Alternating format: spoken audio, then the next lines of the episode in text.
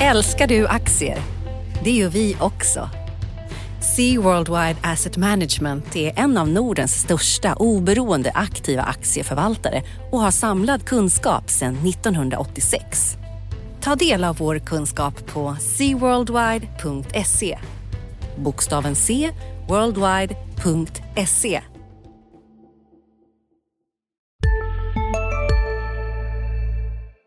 Analyspodden presenteras idag av Paypal. Paypal har legat i framkant av den digitala betalningsrevolutionen i mer än 20 år. Genom att utnyttja teknik för att göra finansiella tjänster och handel bekvämare, billigare och säkrare ger plattformen Paypal mer än 392 miljoner konsumenter och handlare på mer än 200 marknader möjlighet att ansluta sig till och utvecklas i den globala ekonomin. Ta reda på mer om Paypals stora företagserbjudande på paypal.com se enterprise. paypal.com se enterprise. Analyspodden från Dagens Industri.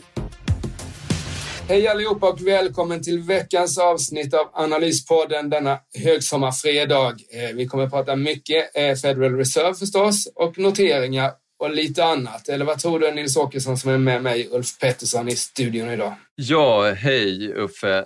Det blir ju eh, mycket Fed idag förstås på makrofronten, men eh, det, vi kan nog inte undgå att eh, vi har en regeringskris under uppseglande i, på, på svensk horisont också, bland annat. Även om den här podden handlar mycket om börs och finans så är ju politik en del av det, så det måste vi väl nämna förstås. Och sen så har vi ett fortsatt stekhett eh, noteringsklimat, fem, fem bolag eh, bara denna fredag, så det måste vi också prata om. Men ska vi börja, och du är ju vår makro, makroexpert på, på analysredaktionen, ska vi börja med Fed och vad som hände där? För det var ju ändå, det var ju ändå lite överraskande, var det inte det? Ja, eh, jag vill höra eh, med dig också Uffe här kring eh, marknadsreaktionerna, men vi kan ju börja med eh, bara konstatera då vi hade ett nytt eh, besked från Fed på onsdagen. Eh, Feds signaler fram till nu har ju varit liksom avvaktande om, om återhämtningen och extremt mjuka om, om eh, själva stimulanserna. Det har varit full gas med tillgångsköp och räntan på nästan noll under överskådlig tid. Man kan nu säga att tonen försköts till ett snäpp mindre extrem penningpolitik och ett erkännande att den höga inflationen eh, som vi sett under våren ändå gör ett visst avtryck. Även om de bestämt hävdar att det fortfarande då hävdar att det är eh, ett tillfälligt högt pristryck eh, i samband med att vi kommer ut ur coronakrisen.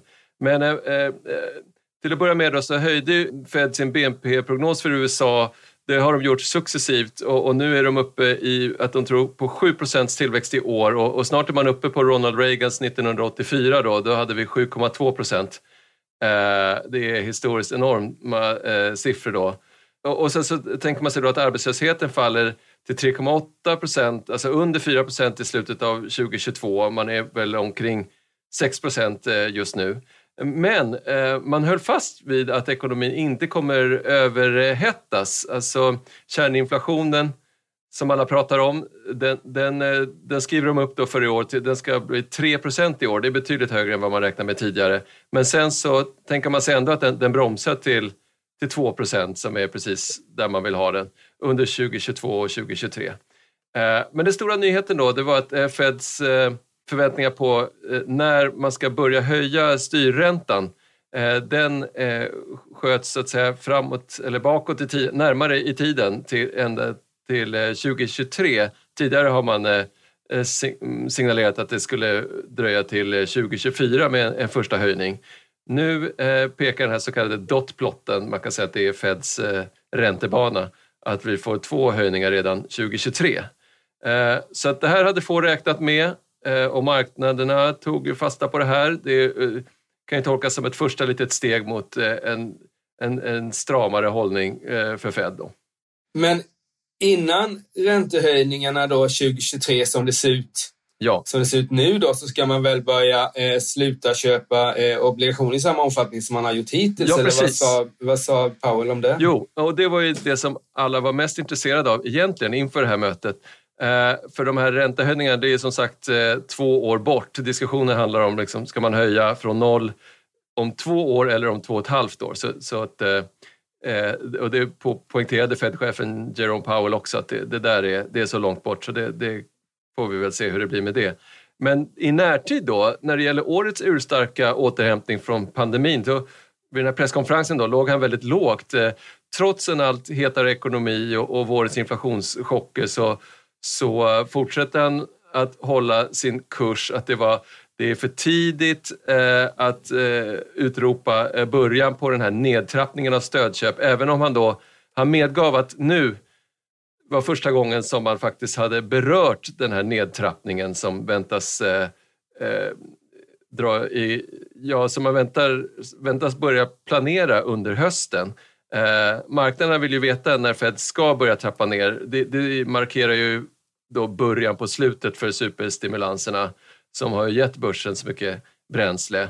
Men det han sa var helt enkelt en liten, liten signal om att från, från och med nu så kommer man på, på mötena att diskutera när nedtrappningen ska börja och hur den ska gå till. Precis, så det man kan säga här är att han liksom har lyft locket nu och vi får se vad som dyker upp framöver här och det kommer väl mycket avgöras huruvida de, när de höjer och hur mycket de så att säga minska sina återköp. Men fortfarande kommer de ju vara, vara så att säga på köparsidan på obligationsmarknaden under, under lång tid. Vi är inte där än att de ska liksom börja strama åt så att säga, så hamna på säljsidan så att säga. Nej, det, det, får man inte glömma bort att nedtrappning, det här tapering som är ett sånt eh, eh, buzzword, det handlar ju inte om egentligen att, att trycka på bromsen utan att eh, lätta på foten från gaspedalen. Man, man liksom successivt drar ner de här stimulanserna men man, man tar inte bort dem. Om vi ska titta lite framåt här så det som kommer vara fortsatt väldigt viktigt för beroende på när de så att säga kommande besluten på FEB, de har väl möte i juli nästa gång och sen har mm. vi det här berömda Jackson Hole-mötet under, vad är det, augusti? Va? Ja, slutet på augusti. Eh, slutet på augusti, ja. Vad är det som under statistiken fram tills de här mötena kommer att avgöra huruvida de går i ännu mer stramare riktning om man får säga så eller, eller om de så att säga fortsätter vara väldigt en väldigt eh, expansiv politik. Är det arbetsmarknaden eller vad är det som är fokus? Eh, just det Uffe, det tyckte jag var tydligt eh, vid den här presskonferensen med, med Powell då, att han tittar ju på jobbsiffrorna nu. Det är det som kommer att, avgöra. Han hävdar ju fortfarande väldigt bestämt att månadssiffror med, med höga eh, inflationstal som överraskar på uppsidan det handlar om, om brus, det handlar om tillfälliga saker eh, när, eh, när återhämtningen är lite stökig. Utan det är, det är den här eh, utvecklingen på arbetsmarknaden som, som är avgörande för Fed. De vill se en betydande, betydande framsteg då mot den återhämtning som, som de vill se. Att rejält eh, fler ska komma i jobb innan det är dags att börja eh, trappa ner de här tillgångsköpen. Precis.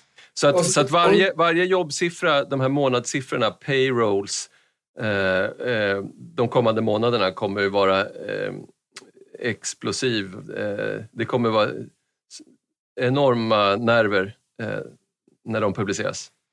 Men man ska nog inte glömma bort inflationssiffran heller. Även om, om Powell eh, spelade ner det där så är ju, det var väl ändå inflationssiffrorna som fick honom att, eller som fick hans ledamöter i alla fall att höja höja eh, ränteprognosen, den här dotplotten en del. Och skulle de nu förväntar sig Fed och alla andra att de kommer ner från de här höga 5 procent och kärninflationen är väl 3 då. Ja. Men, men de kommer ändå vara intressanta för om de inte kommer ner då kommer de ju också ha en påverkan på, på framtida ränte, räntebesked antar jag. Ja, 3,5 någonstans var kärninflationen till och med då, senaste siffran. Mm. Eh, men, men absolut, det, det kommer ju också vara spännande läsning. Eh, mm. Om, de blir, om, om Fed helt enkelt blir motbevisade att, att det här eh, det handlar inte om, om tillfälligheter utan det, det här är någonting som, som tar fäste då i inflationsförväntningar och, eh, och så. Eh. Och tittar man på marknadsreaktionen då, som jag följde här på onsdagskvällen och, och kommande dagarna fram tills nu egentligen så var det ju ett överraskande besked ändå. Alltså man, folk trodde nog att det skulle kanske hända någonting, men, men det var lite, lite stramare om man får använda de uttrycken när man har nollränta och inte höjer den ändå. Eh, än vad marknaden förväntade. Och den omedelbara reaktionen var ju att vi fick eh, lite press på börskurserna.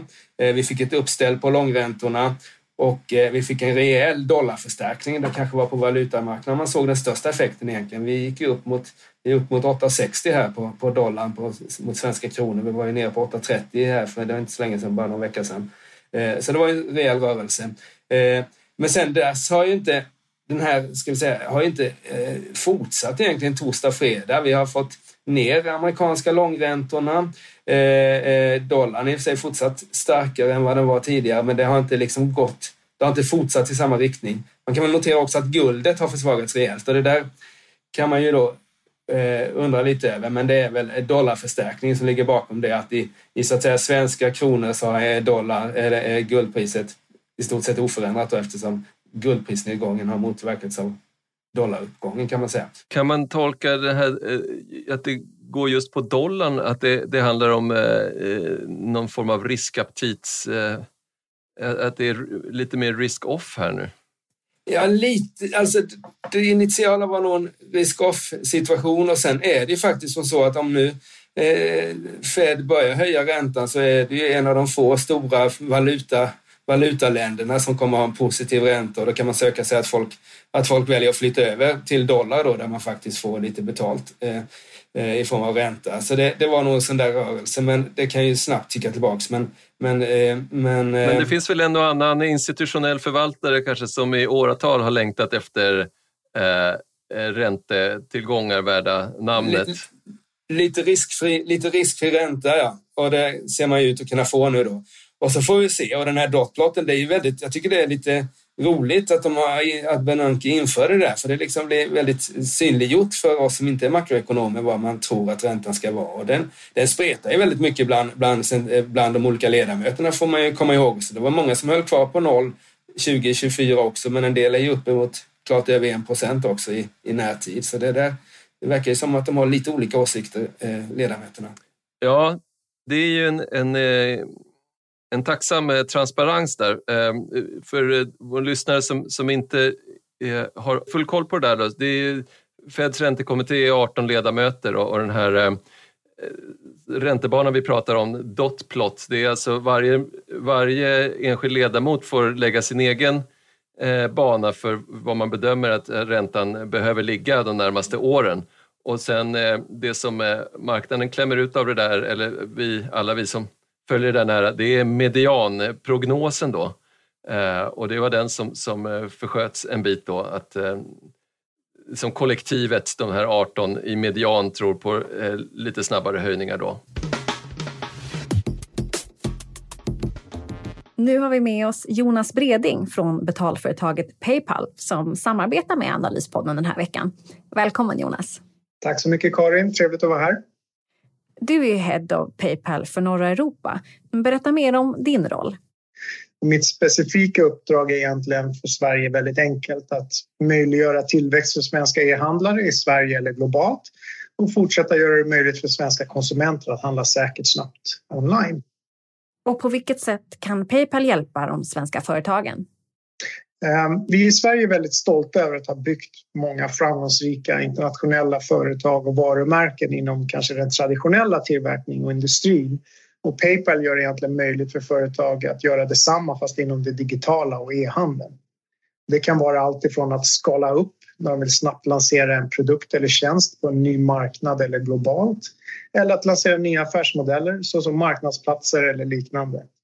Och idag så hjälper vi ju företag i alla branscher och vi jobbar nära de, de flesta stora, skulle jag vilja säga, online-varumärken såsom Spotify, H&M, Storytel, Easypark och så vidare. Och eftersom vi är ett tvåsidigt nätverk så kan vi erbjuda våra handlare tillgång till över 360 miljoner aktiva Paypal-konsumenter över hela världen. Så man kan nästan säga att vi agerar som en sån förtroendemäklare mellan konsumenter och varumärken fast på en global arena där konsumenten kanske inte litar på den för personen okända svenska varumärket men de litar på Paypal och vågar därför genomföra köpet. Hur många konsumenter är det som använder Paypal i Sverige just nu? Eh, det finns över en och en halv miljon regelbundna användare i Sverige och vi ser en stark tillväxt i en mängd nya målgrupper. Och sen pandemin startade så har Paypal-användningen ökat med över 30 procent i Sverige. Den största ökningen står generation Z för, eller Gen Z för, men även 50-plussare är numera storhandlare online, vilket är ganska häftigt. I början av pandemin så fick de lära sig mycket av e-handeln av sina barn men nu så handlar de precis lika mycket som sina 30-åriga eh, söner och döttrar, vilket är ganska spännande att se. Har du sett inom vilka branscher det är som användandet av Paypal just har ökat under den här tiden? Ja, absolut. Vi har sett en otrolig ökning. Eh, med en värld i gungning blir det viktigare än någonsin med kunskap och diskussion. Att värna det fria ordet, för livet och demokratin. Så när du trodde att du visste allt, har vi alltid lite till. Privata affärer plus allt. All journalistik du behöver, samlad. Prova en månad gratis. Just nu pågår vår stora season sale med fantastiska priser på möbler och inredning. Passa på att fynda till hemmets alla rum, inne som ute, senast den 6 maj. Gör dig redo för sommar. Välkommen till Mio. Branscher såsom bygghandeln och elektronik, vilket ni kanske har läst mycket om. Men även mode, inredning, eh, streamingtjänster, utbildning. E-sport är någonting som har växt väldigt mycket. Ehm, och I morse såg jag faktiskt också en rapport som visade att resebranschen gör en otroligt stark återhämtning just nu och är faktiskt på väg tillbaka mot nivåer vi hade innan pandemin. Vi ska prata mer med dig Jonas i ett senare avsnitt. Tack till dig och tack till Paypal som samarbetar med Analyspodden. Tack för att jag fick komma. Innan vi avslutar med lite börs och börsutsikt och sådär ska vi ändå notera, det är ändå en stor händelse i Sverige. Eh, jag tror att man i, i omvärlden kanske inte lägger så stor vikt. Det är ju den här regeringskrisen som vi fick eh, hastigt i torsdags här. Eh, vad, vad, hur ser du på den där ur ett ska vi säga, ekonomiskt perspektiv? Eh? Ja, jo, nej, men jag kan väl bara eh, sammanfatta lite grann. Eh, vi spelar in den här på, det är fredag förmiddag. Eh, eh, nu blir det alltså en misstroendeomröstning mot Stefan Löfven i riksdagen redan nu på måndag eh, eftersom Vänsterpartiet har sagt att man inte längre står bakom Stefan Löfvens regering på grund av eh, det här bråket om, om marknadshyra i nyproduktion. Då. Det var ju då SD som var blixtsnabba med att kalla till misstroendeomröstning för om V byter sida så finns ju en majoritet mot Stefan Löfven helt enkelt. Det ska då ändå föras någon form av samtal mellan eh, januaripartierna och, och vänstern under helgen så att, för att försöka hitta någon slags kompromiss och avvärja krisen. Så att eh, den som lever får se. Men annars så, så faller regeringen på måndag och då, då måste Löfven eh, han har en vecka på sig att, att välja mellan antingen utlysa extraval eller då avgå och då har vi hamnar eh, talmannen i fokus igen. Eh, det blir lite déjà vu för efter eh, förra gången vi hade en lång strulig regeringsbildning. Men om jag får gissa så passar han Löfven först bollen till talmannen då, som får försöka hitta en ny regeringsbildare och osannolikt det är inte osannolikt att det då blir Stefan Löfven i alla fall.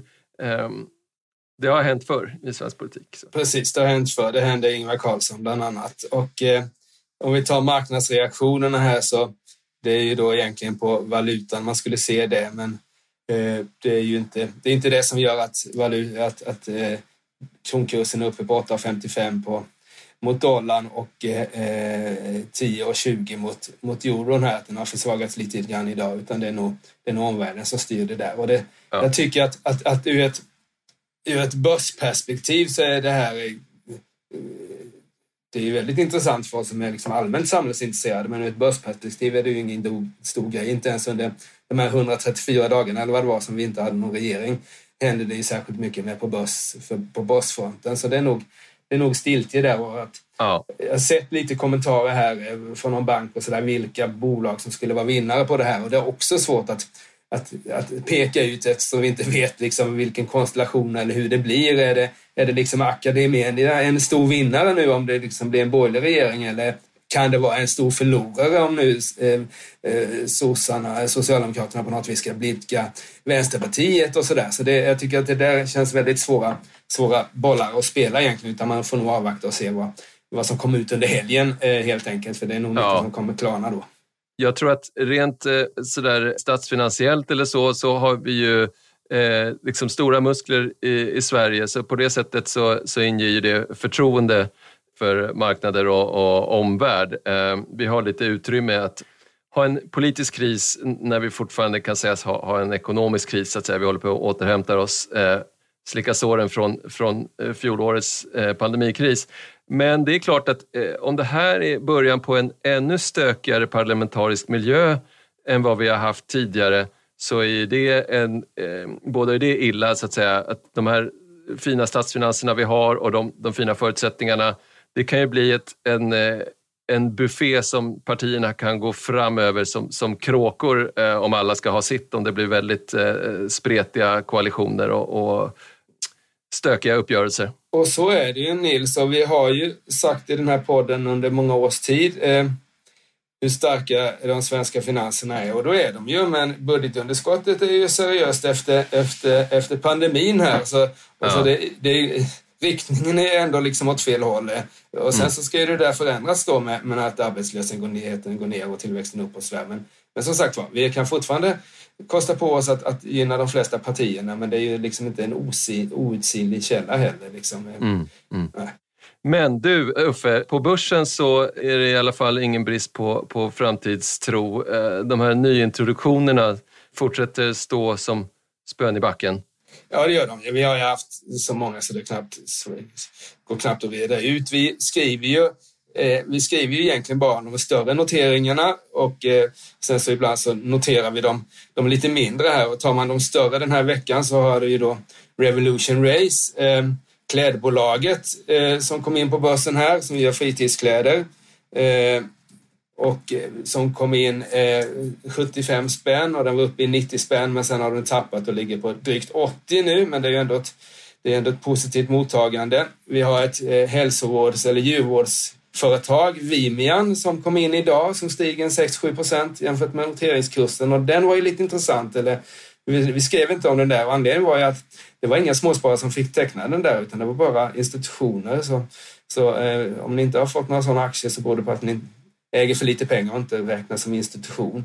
Eh, men det man kan notera under veckan av alla de här noteringarna som har varit är att de stora bolagen blir fortfarande vinstaffärer eh, första handelsdagen, men många av de små bolagen handlas faktiskt eh, under noteringskurs. Så lite den här fantastiska noteringsvågen, lite av de här gratispengarna har faktiskt försvunnit den här veckan. Det är inte det är inte givet att man tjänar pengar på att teckna aktier längre på samma sätt som det har varit tidigare. Så det där är ju en liten signal att man nog får börja titta lite på vad det är man köper igen och inte bara köpa kan man väl säga. Eh, och eh, det som är hett på börsen, vi kommer ju nästa vecka här få in eh, OX2 då det stora eh, vindkraftsprojektsbolaget och det där kommer säkert vara jätte jättestort intresse för det följer liksom ESG-trender och allting och plus att det är ett stort bolag. Så det där den där kommer säkert många vilja teckna.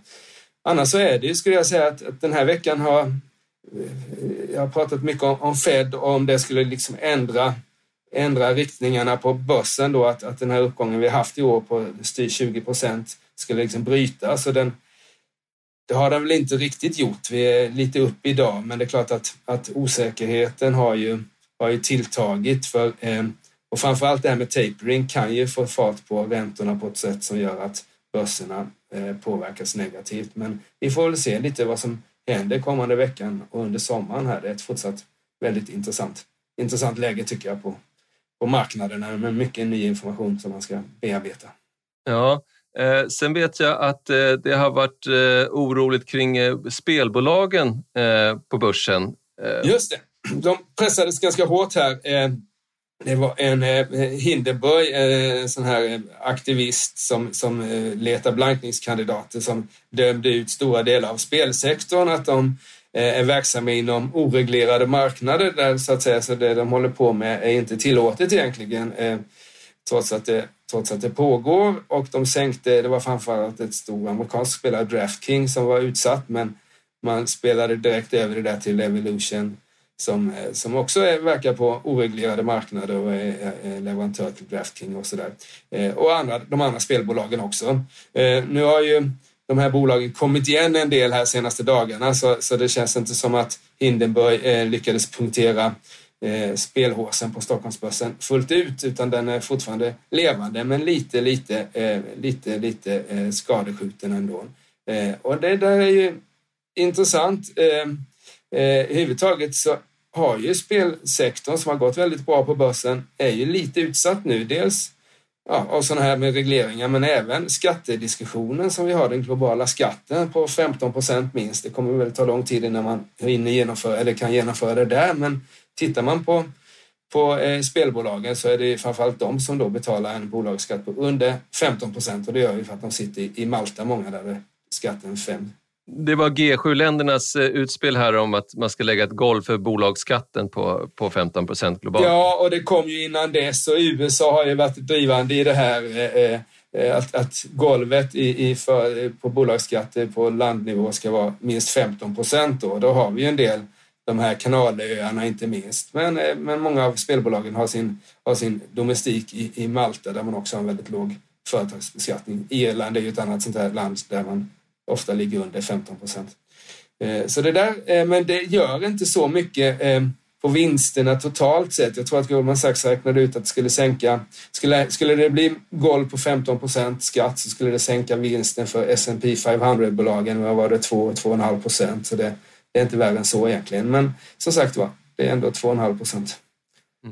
Mm. Bra. Eh, finns det något i nästa vecka att, att titta på innan vi stänger, stänger för idag och koncentrerar oss på eftermiddagens fotbollsmatch?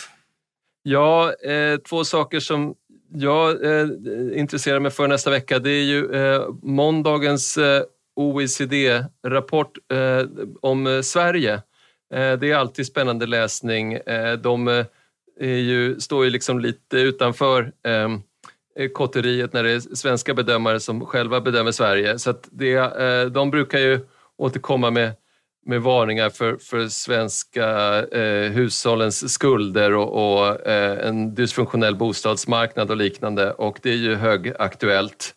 Eh, så det, det kom, den kommer jag att läsa. Eh, på onsdagen sen, då är det dags för Konjunkturinstitutets nya eh, konjunkturprognos och den väger ju alltid tungt. Eh, de ligger liksom lite bakom kurvan nu eftersom eh, utsikterna för Sverige och även eh, de globala då och, inte minst USA har ju successivt eh, ljusnat under hela våren.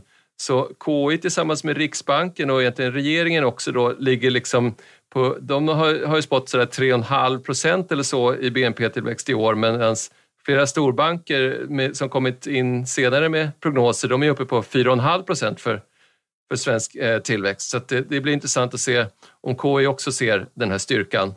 Eh, det blir någon slags bekräftelse på, på eh, att, att det verkligen är, går så pass starkt fram här. Precis. Men på börsfronten då, Uffe? Det är inte mycket. Det är ju midsommarvecka. Inte mycket rapporter egentligen. Bara en rapport från, från ett bolag på Stockholmsbörsen och det här klädbolaget R&B då som var i rekonstruktion länge här sen, sen pandemin egentligen eh, som kom med rapport och eh, ja, aktien har ju gått oerhört starkt här av, av liksom ingen anledning alls senaste tiden. Eh, eh det består idag egentligen R&B bara av en mindre nettokassa och Brothers då det här ganska hårt pressade eh, här, herrmodeföretaget. Eh, men man förväntar sig väl, jag vet inte hur man ska förklara den uppgången som vi har haft här i år då, men det kanske beror på att någon räknar med att det ska bli ett fastighetsbolag eller sådär. Men än har vi inte sett något av det och vi får se om vi se något av det i rapporten också eller om vi bara kommer få se förlustsiffror från, från Brothers och en urholkad nettokassa. Men eh, annars så är det ju lite väntans tid och det är nog inte riktigt dags än för vinstvarnings och omvända vinstvarningsperioden. Eh, eh, brukar komma kanske första, första veckan i, i, i, nästa kvartal och då har vi återstående lite till till. Så, men det kan också komma, det får vi väl se. Men annars är det på förhand ganska lugnt på, på börsfronten. Mm. Eh, vi ska också berätta att eh, vi har ju eh, våra kusinpoddar här på Dagens Industri. Just det. Som man inte får missa. Vi har vår dagliga podd Morgonkoll Och så har vi Makrorådet som också, där också vår eminenta analysredaktion är avsändare. Vi har Digitalpodden från kollegorna på Digital och så den privatekonomiska podden Smarta pengar. Precis, så de ska ni lyssna på och så får ni ta vara på eh, den här eh, fina vädret som vi ser ut att få i helgen här. Tack för att ni lyssnade och eh, lyssna gärna på oss igen nästa torsdag eller fredag. Eh, det är midsommarafton. Och eh, lyssna på våra andra poddar och ha det bra där ute. Tack ska ni ha för att ni lyssnade på mig, Ulf Pettersson och Nils Åkesson. Tack! Hej då! Analyspodden presenteras idag av Paypal. Paypal har legat i framkant av den digitala betalningsrevolutionen i mer än 20 år. Genom att utnyttja teknik för att göra finansiella tjänster och handel bekvämare, billigare och säkrare ger plattformen Paypal mer än 392 miljoner konsumenter och handlare på mer än 200 marknader möjlighet att ansluta sig till och utvecklas i den globala ekonomin. Ta reda på mer om Paypals stora företagserbjudande på paypal.com se enterprise paypal.com se enterprise. Tack så mycket Jonas Breding, Head of Northern Europe på Paypal som sponsrar Analyspodden den här veckan. Analyspodden från Dagens Industri. Programmet redigerades av Umami Produktion. Ansvarig utgivare Peter Fellman.